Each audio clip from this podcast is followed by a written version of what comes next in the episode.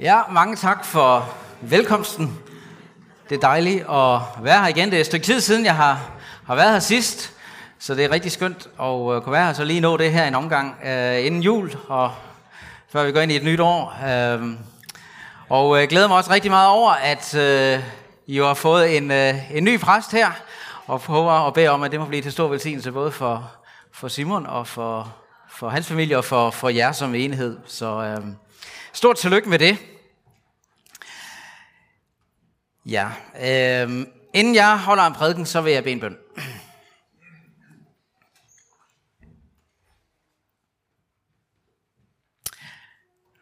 Kære Gud og Far i himlen, tak fordi vi nu kan være sammen om, om dit ord. Nu beder jeg om, at du selv vil tale til os, og du vil åbne vores ører og vores tanker og vores hjerter for det, som du vil sige til os i dag. Amen. Ja, vi øh, skal begynde med at læse teksten, og øh, det står på bagsiden her. Øh, efter at jeg skrev, hvilken tekst jeg ville prædike over, så ombestemmer jeg mig en lille smule, fordi det er kun de sidste to vers øh, her, jeg vil, øh, jeg vil øh, læse. Så det er fra vers 5 til 6, fra Esajas bog, kapitel 9, vers 5 til 6, hvor der står sådan her. For et barn er født os, en søn er givet os, og herredømmet skal ligge på hans skuldre. Man skal kalde ham underfuld rådgiver, vældig Gud, evighedsfader, freds fyrste. Stort er herredømmet, freden uden ophør over Davids trone og over hans rige, så han kan grundfæste det og understøtte det med ret og retfærdighed fra nu af og til evig tid. Herskars herres nidkærhed skal udvirke dette. Ja, øh, overskriften for, for min prædiken i dag har jeg altså kaldt her, man skal kalde ham vældig Gud. Øh, jeg tænkte på her før, da vi sang den her, nu tænder vi, øh, at i den sang, der synger vi faktisk, vi venter, vi venter, vi venter, og så sang vi ikke det fjerde vers nu, men det kommer vi også til i, i det fjerde vers, vi venter. Vi venter på et lille barn, vi venter på, at Gud, vores søn, Øh, Øh, Gud var far sin søn vil sætte ned, vi venter på en konge, og vi venter på en frelsermand og så videre. Vi venter, vi venter, vi venter, venter. Og det er jo det, er jo det som ligesom kendetegner adventstiden. Vi venter. Øh, men for nogen der kan det godt øh, være svært at vente på, at det bliver jul. Øh, især hvis man er barn, eller måske bare en barnlig sjæl. Jeg ved ikke, om I kan huske, hvordan det var øh, at være, være barn, og så gå ind i december der, og, og så den her julekalender med 24 lover. Altså, jeg synes godt nok, 24 dage, det, øh, det kunne være lang tid. Sådan havde jeg det i hvert fald. Det kunne næsten føles som en evighed. Det kan, være, det kan godt være svært at vente på, at det bliver jul. Gud kunne i en vis forstand næsten heller ikke vente på, at det skulle blive jul. Og han havde jo rent faktisk allerede også ventet i en hel evighed, så det er der ikke noget at sige til. Så på Esajas' tid, der tænkte han, 700 år endnu. Kun 700 år endnu. Jeg kan næsten ikke vente. Jeg glæder mig sådan til at give den største gave, jeg nogensinde har givet. Så han sagde til sit folk, jeg vil give jer en helt særlig gave, men I får den ikke endnu. I må vente lidt endnu. Han fortalte mig ikke, det var så altså 700 år. Men så sagde han, men lad jeg give jer et hint. Lad mig give jer en lille julegåde. Et barn skal fødes jer, og så videre. Og i de følgende århundreder, der havde Guds folk de her ord, som jeg lige har læst, og undrer sig over, mens de ventede. Hvad skal det her betyde? Det her barn, den her konge, de her navne, underfuld rådgiver, vældig Gud, evighedsfar, freds fyrste. Jeg tror, at de har undret sig meget over det, der blev sagt om det her barn. Vældig Gud. I dag der ved vi, hvem det var, han talte om. Det er blevet jul, sådan i det store perspektiv i hvert fald, historisk perspektiv. Ventetiden er forbi. Profetien er gået i opfyldelse. Løftet er blevet holdt. Julegåden er blevet løst. Gaven er blevet givet. Barnet er blevet født.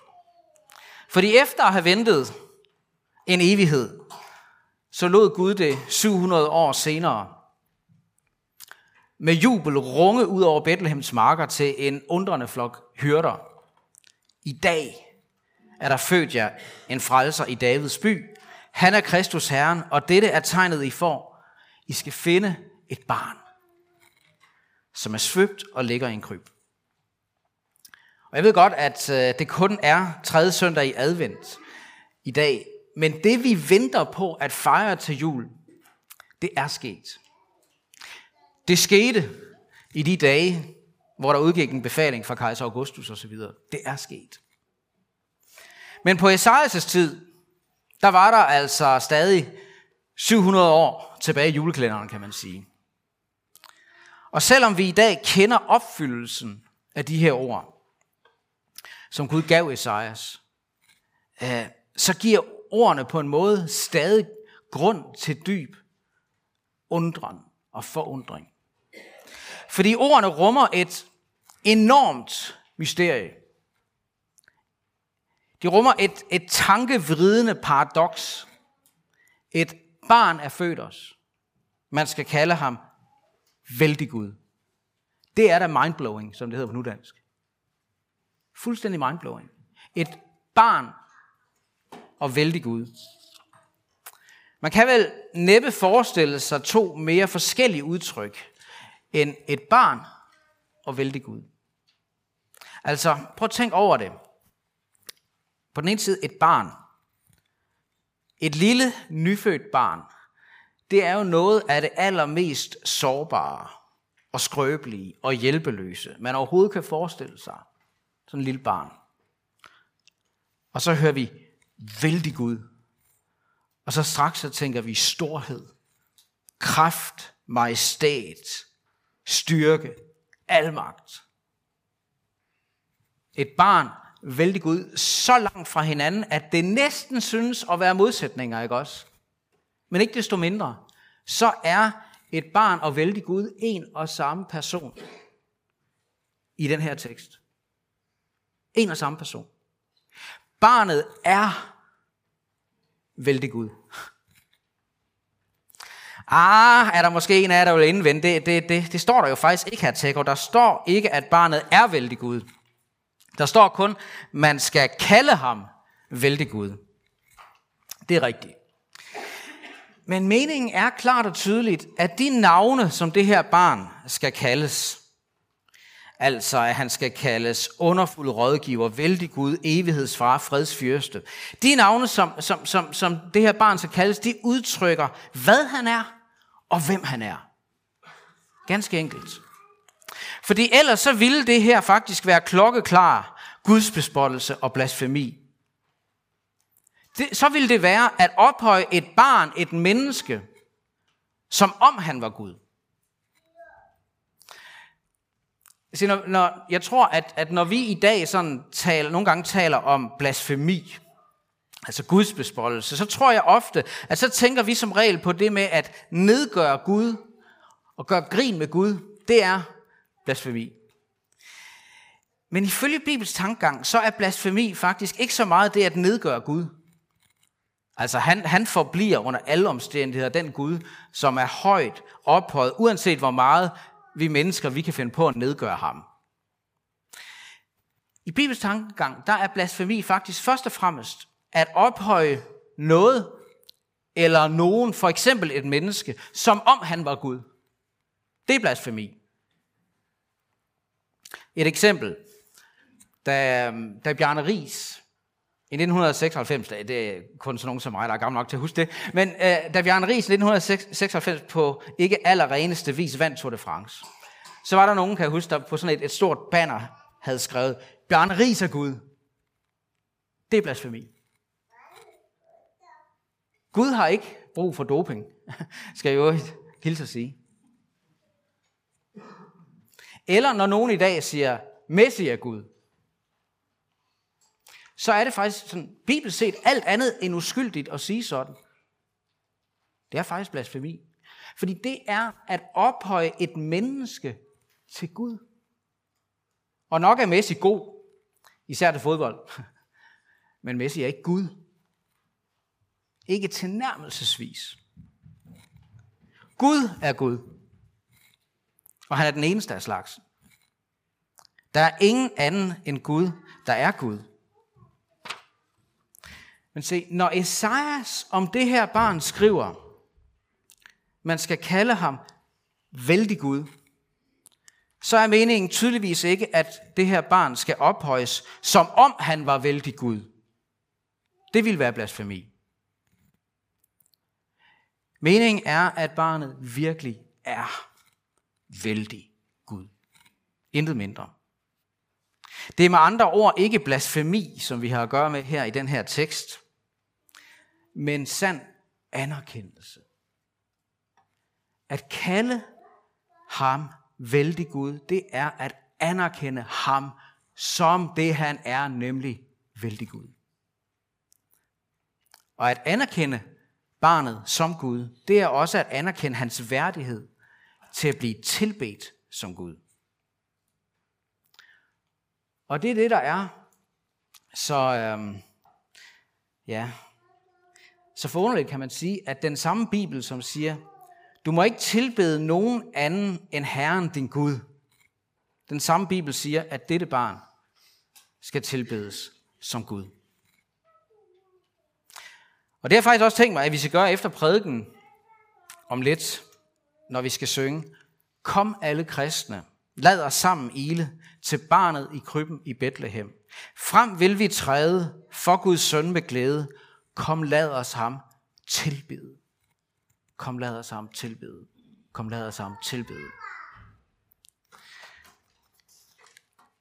Altså, vi, vi, når vi skal synge den sang, så vil vi tilbede barnet, Jesus, som Gud. Præcis som Esajas sagde, et barn er født os, man skal kalde ham vældig Gud. For det er det, han er. Når vi synger sådan, så, så aflægger vi den samme bekendelse og giver udtryk for den samme tilbedelse, som en af, af Jesu disciple, ham vi nogle gange kalder tvivleren, Thomas gjorde. Da Jesus viste sig for ham efter sin opstandelse, og Thomas udbrød, min Herre og min Gud. Min Herre og min Gud, det er tilbedelse. Jeg ved godt, at Jehovas vidner øh, mener, at det skal forstås lidt anderledes. De, de mener, at det skal forstås sådan, at, at, at, øh, at Thomas bliver så forundret. Han siger, min herre og min Gud. sådan, øh, som, som man kan komme til at sige. Men det var det ikke. Det var tilbedelse. Min herre og min Gud. Og der kunne nævnes en række steder fra Bibelen, hvor det utvetydigt siges at Jesus, om Jesus, at han er Gud. Og derfor også med rette kan og må og skal tilbedes som Gud. Men et af de steder, det har vi altså allerede her i Esajas bog. Skrevet cirka 700 år før hans fødsel. Et barn er født os. Man skal kalde ham vældig Gud. Ord, som altså rummer det her, synes jeg, fuldstændig tankevedende paradoks, at han både er sandt menneske og sand Gud. Som Leif Andersen han skriver i, øh, i sin fantastiske bog, Gud, hvorfor sover du? Der skriver han sådan her. Jeg læser bare et brudstykke af det. Gud blev født. Han blev kød og tog bolig blandt os. Det var ikke blot et, et guddommeligt menneske, en Guds søn. Det var Gud selv, der blev født af en kvinde, i blod og smerter og lagt i halm. Jesus er jo Gud og mand. Sønnen er Gud på samme måde, som faderen er det. Så selvom det ikke er Gud fader, der nu ligger og græder i krybben, så er det lige fuldt Gud selv. Det er Gud, der græder og skal trøstes af sin mor. Det er den almægtige, der skal til at lære at stå og gå. Det er den evige, hvis ord skabte verden, der nu skal til at lære at sige mor. Det er den allestedsnærværende, der nu skal bruge et kvarter på at kravle over gården til sit fars værksted. Han blev menneske. Ganske som vi er mennesker, og ikke på nogen anden måde. Han var ingen halvgud, men helt og fuldt Gud selv. Han var intet overmenneske, men levede helt nede i vores virkelighed. Et barn, vældig Gud, sandt menneske, sand Gud. Det er tankevriden. Det er så stort et paradoks, at det kan være mere end svært at fastholde begge dele samtidig. at fastholde paradoxets både og, både menneske og Gud. Og, og gennem kirkens historie, der har der været mange perioder, kan man sige, hvor der har været en tendens til at betone det ene på bekostning af det andet.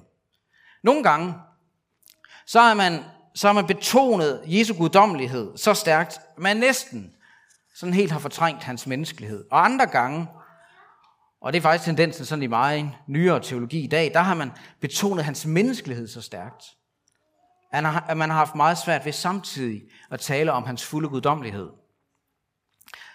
Luther han har engang sagt, at, at, at, at, at kirken kan nogle gange sammenlignes sådan lidt med en, en fuld mand på en hest. Så det ene øjeblik, så falder han over af på den ene side, og så kommer han op igen, så falder han af på den anden side.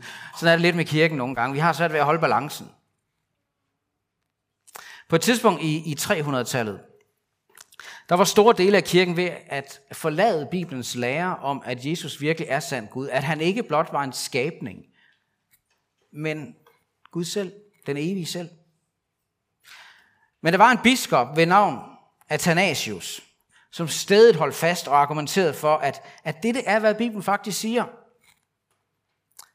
Og i øvrigt også, at hvis han ikke virkelig var både Gud og menneske, så kunne han heller ikke være vores frelser. Det holdt Athanasius fast ved. Og på et tidspunkt, så var der nogen, der sagde til ham, Athanasius, kan du da ikke se, du har hele verden imod dig? Og så svarede Athanasius bare, så må det være Athanasius imod hele verden. For Athanasius, han var overbevist om, at han havde Guds eget ord på sin side. For et barn er født os, en søn er givet os. Man skal kalde ham vældig Gud. Vældig Gud. Jeg læste en kommentar til Esajas' bog, øh, hvor forfatteren han skriver sådan her.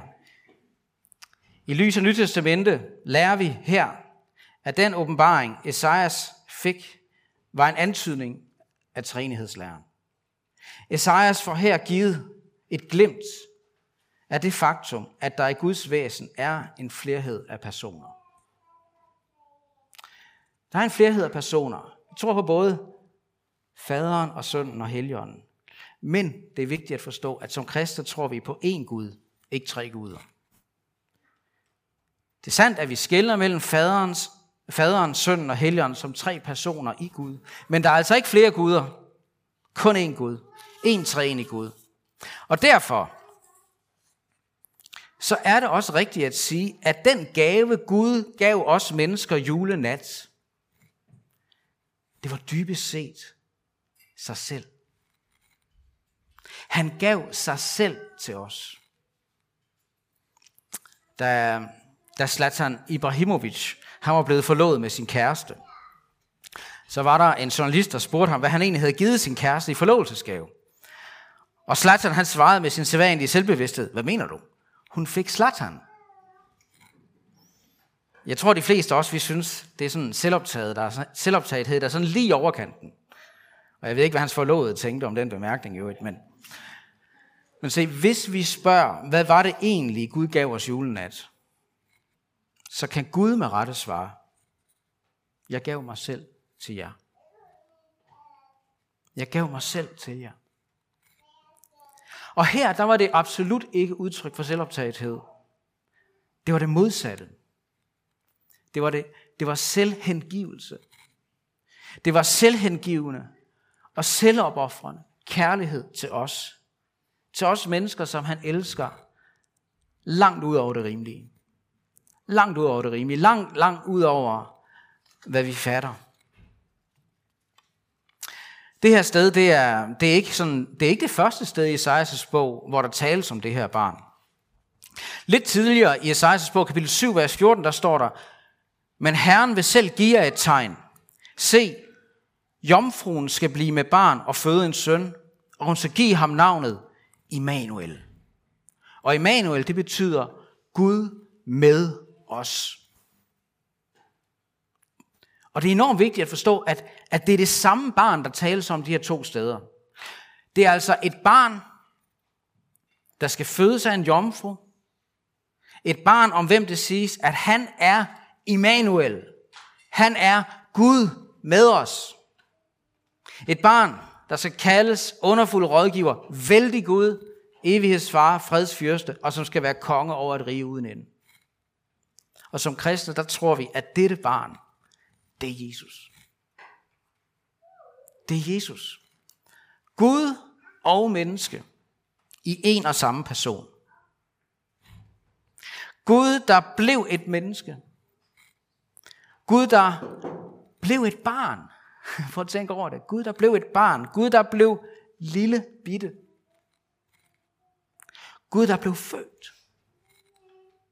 Gud, der blev kød og to bolig midt i blandt os. For at være Immanuel. Gud med os. Og nogle gange, der, der siges det jo egentlig allerstærkest i, i nogle af de øh, julesalmer, vi synger. For eksempel i uh, Hør hvor engelsangen toner, hvor vi i det ene vers synger det sådan her. Kristus fra de høje himle, Kristus, Gud i evighed. Hjertet bæver, vi må svimle. Gud til os på jord steg ned. Skaberen, som os sig klæder, engle nu med os sig glæder. Syng med fryd, vær bange sjæl, Kristus vor Immanuel. Og det skal synges med triumf i stemmen, når I synger det. Kristus vor Immanuel. Gud med os. Jeg tror nemlig ikke, der er noget, der bedre udtrykker kernen i, hvad julens budskab er, end netop det her navn Immanuel. Gud med os. Jesu fødsel betyder, at Gud er med os. Han er med os i en sådan grad, at han blev en af os. Dog uden synd. Gud blev et virkeligt menneske for at leve et virkeligt menneskeliv og dele livsvilkår med os mennesker i den her verden. Og ja, han led og døde endda som menneske. Og derigennem, i kraft af hans opstandelse, netop give håb til os mennesker. Men han blev et virkeligt menneske, og han led og han døde som menneske. Der er mange mennesker, der, der er mange mennesker, der siger, at de ikke kan tro på Gud, fordi der er så meget lidelse i verden. Og det er virkelig også et toft spørgsmål, som nogle gange virkelig også kan trænge sig på for mig, og som jeg ikke synes, der er noget let svar på. Men jeg vil sige, at i lyset af julen, så kan vi i det mindste se spørgsmålet i et helt andet perspektiv. Fordi hvis det er sandt, at Gud selv blev et menneske, og selv har lidt med os og for os,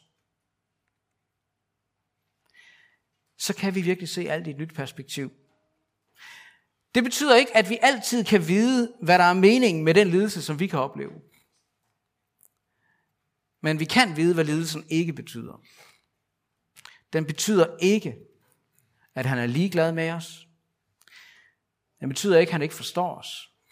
Og den betyder slet ikke, at han ikke elsker os.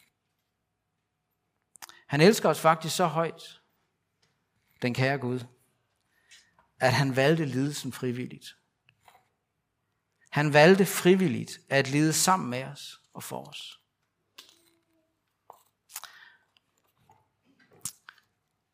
Og som den Gud, der selv har lidt, lover han også at være med os i al vores lidelse, alle vores prøvelser, alle vores svagheder, alle vores skrøbeligheder og skavanker og smerter og sorger og alle vores kampe og al vores magtesløshed.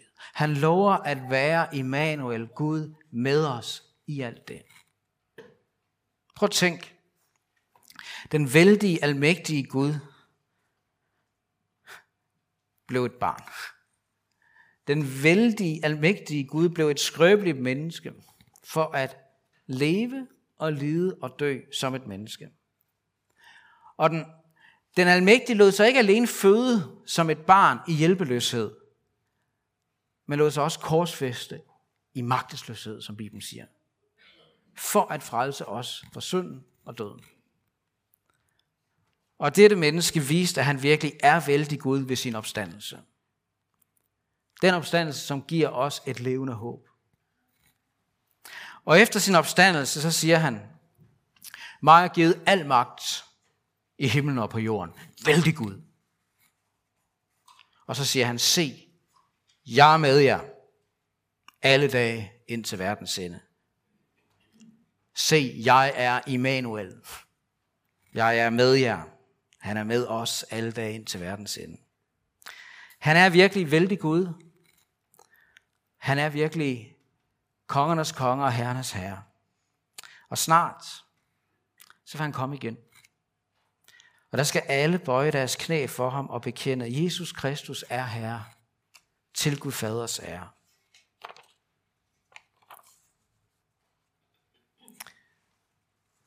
I Jesus Kristus, der er Gud med os og for os 100%.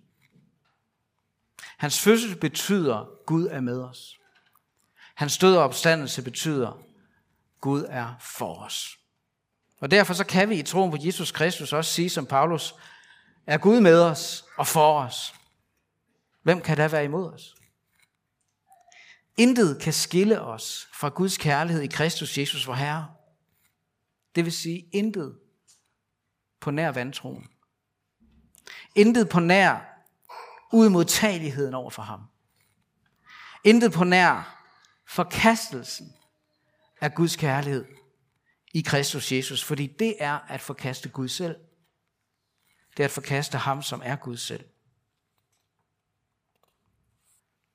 Jeg skal til at, at slutte nu. Og jeg nævnte tidligere, at ordene, man skal kalde ham vældig Gud, det er udtryk for tilbedelse. Og derfor vil jeg gerne slutte med at sige, at, at den bedste og mest passende måde, vi kan modtage julens budskab på og give respons på det, det er med tilbedelse.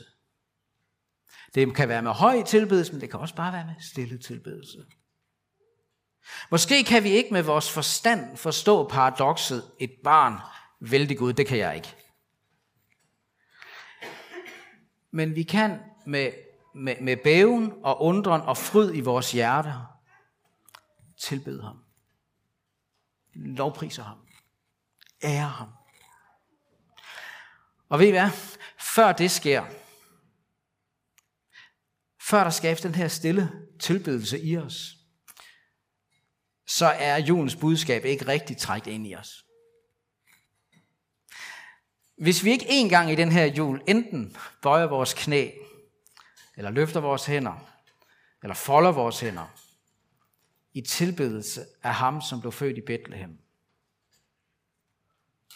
Så kan det kun være, fordi det simpelthen endnu ikke rigtigt er gået op for os, hvem han er.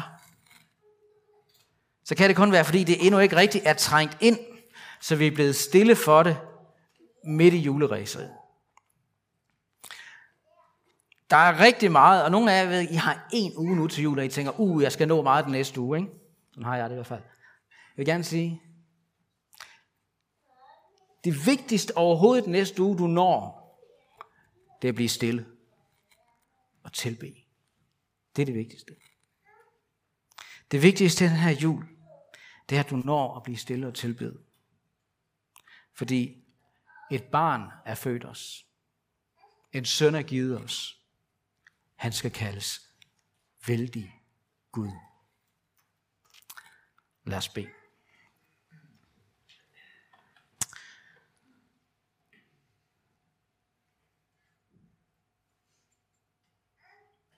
Og Jesus, vi ønsker netop at være stille i undren og tilbedes af dig.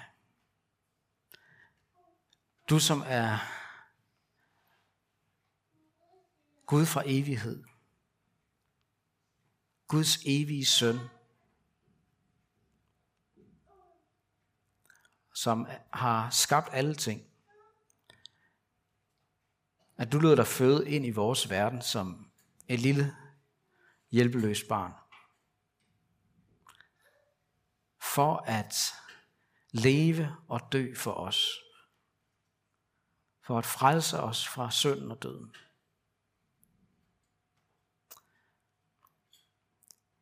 Jesus, jeg beder om, at du selv ved din ånd vil øh, gøre det klart for os i den her jul, hvem du er, hvad du har gjort for os, så at det skaber tro og tak og lovprisning og tilbedelse i vores hjerter. For Jesus, du er værdig. al vores tilbedelse. Du er værdig til at blive højt ophøjet i al evighed. For alt hvad du er, og alt hvad du har gjort.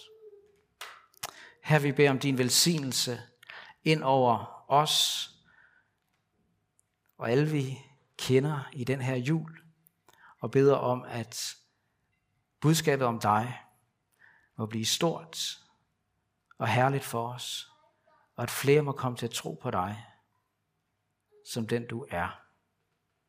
Det beder vi om, for dit eget navns skyld. Amen. Og så skal vi jo så tilbede ved at synge Kom alle kristne.